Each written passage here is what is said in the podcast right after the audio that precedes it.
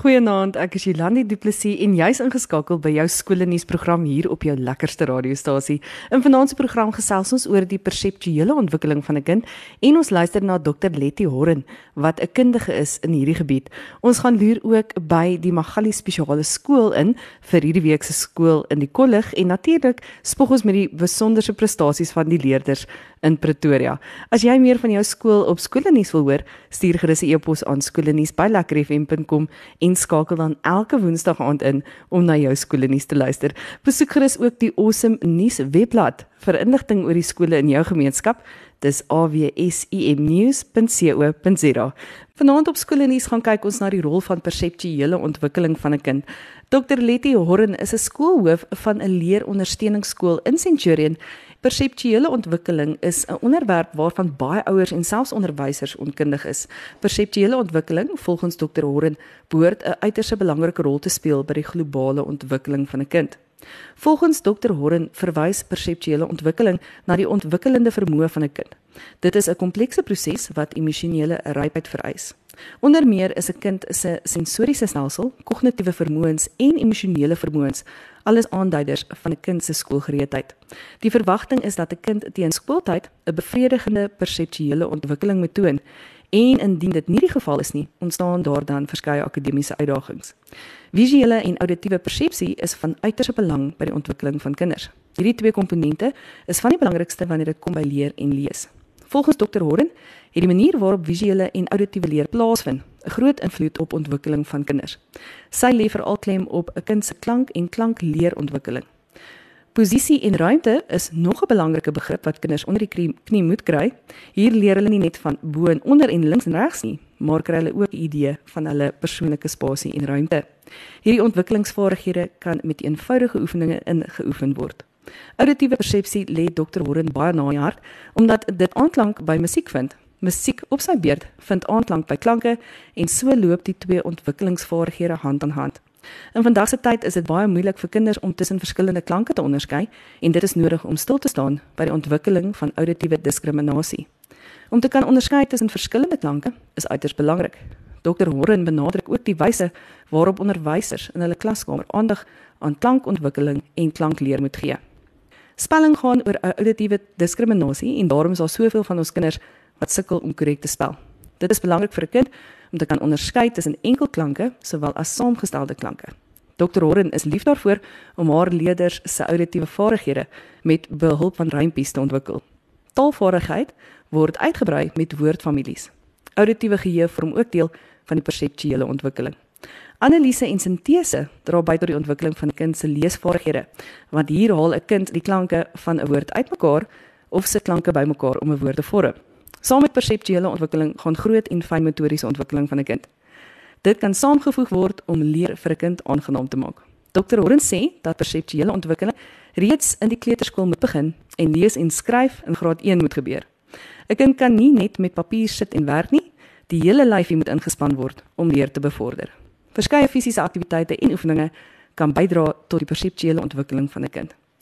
Geïntegreerde uh, onderrigmetodes is in 'n kla die klaskamer nodig. Dr. Horren gaan in 2021 'n terapiesentrum open waar sy verskeie ontwikkelingsvaardighede aanspreek. As jy meer rondom perseptuele ontwikkeling wil weet, kontak gerus vir Dr. Letty Horren by 082 549 233. En vanaand se skool in die kollig is die Magalies Spesiale Skool. Magalies Spesiale Skool het sy deure op 5 Oktober 1954 met 135 leerders en 8 personeellede geopen. Die skool was toe bekend as Gesina Skool. 4 jaar later trek die skool van 10de Laan in Gesina na 'n nuwe gebou wat geleë is in 21ste Laan, Rietfontein. In 1962 het die skool 'n totaal van 257 leerders gehad en was bekend as Sonnestraal Spesiale Skool. In 1997 open die skool die nuwe jaar met 662 leerders.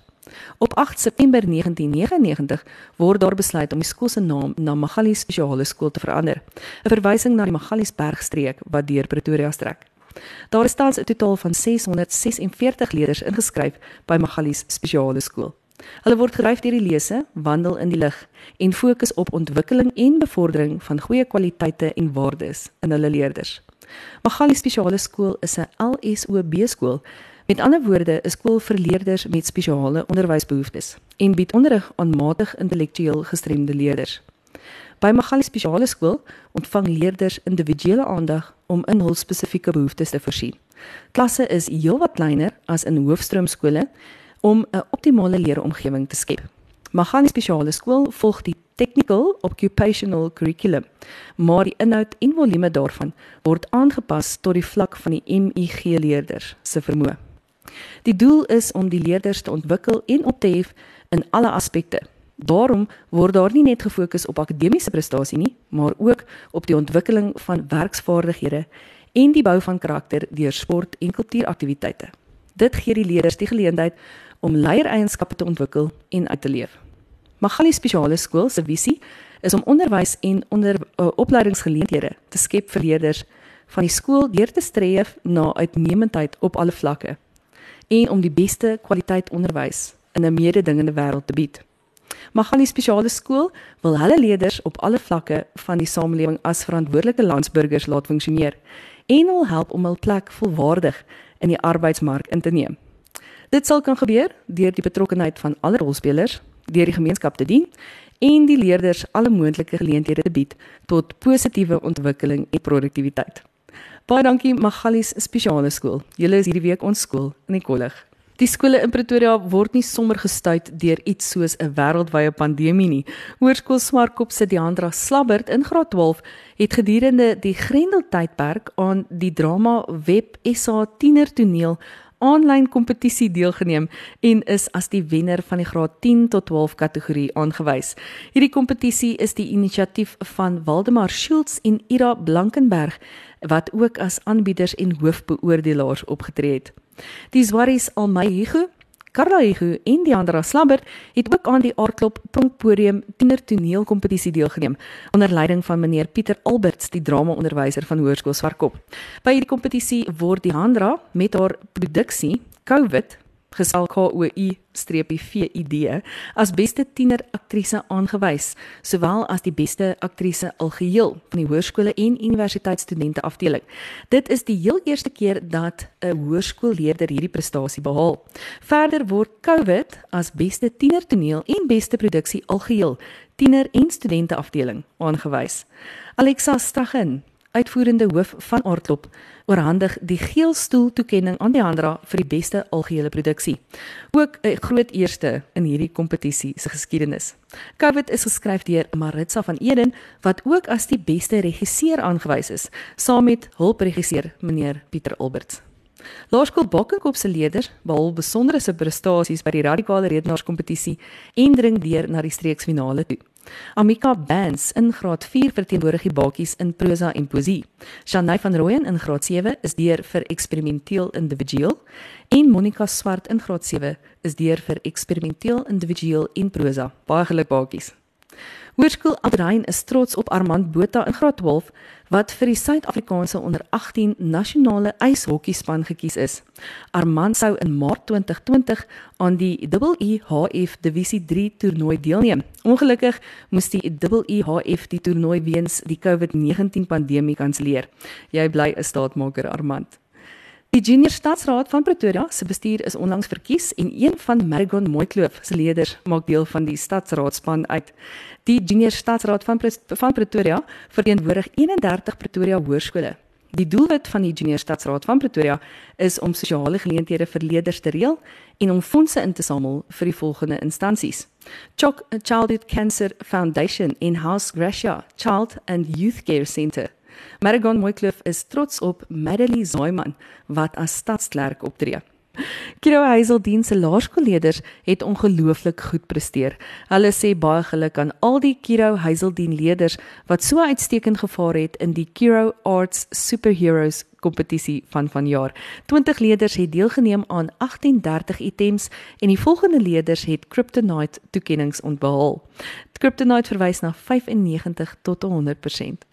Anjenay Jacobs vir fotografie, Misha Skuman vir akrobaat, Lisa Beyers vir drama, CJ Ryder vir drama, Matthew Ryder vir drama en Siobhan Kutsen kry twee kryptonites vir drama.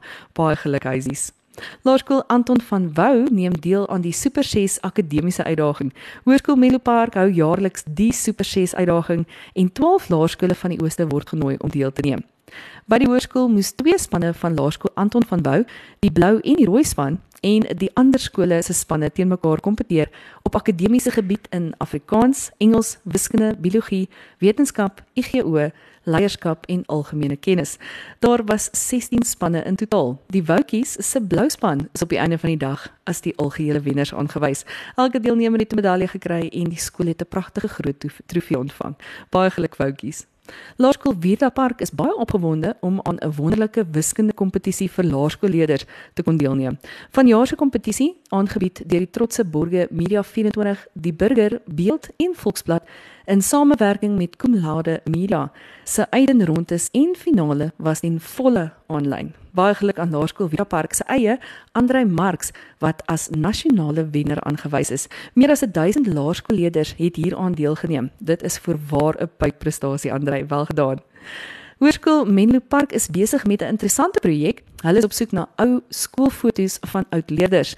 Indien jy foto's van pouse, kadette, laaste skooldag, klasmaats, klaskamer pret of enige ander nostalgiese Menlo fotos het, stuur gerus jou fotos na menlobond@menlopark.co.za. Centurion Christelike Laerskool het op 17 September 'n boomplantdag gevier. Hulle het 3 bome op hulle terrein geplant en oom Isak het hulle meer vertel van hierdie wonderlike bome.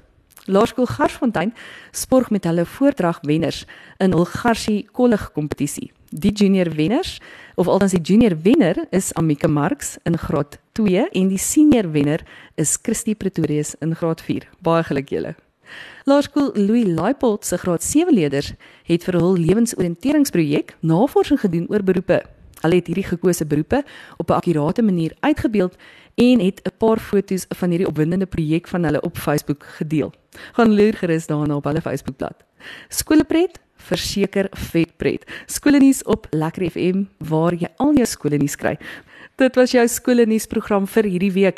Skoolnuus in 'n neutedop. Gaan loer gerus na ons webtuiste vir al jou lekker kry nuus op Lekker FM en stuur gerus jou skoolnuus na skoolnuus@lekkerfm.com. Indien jy die program gemis het, gaan loer gerus op Lekker FM se potgooi lys en laai die program af wat jy graag na wil luister. Geniet die aand. Ons gesels weer volgende week net hier op Lekker FM se skoolnuus program. Ek is Jolandi Du Plessis. Totsiens tot volgende week.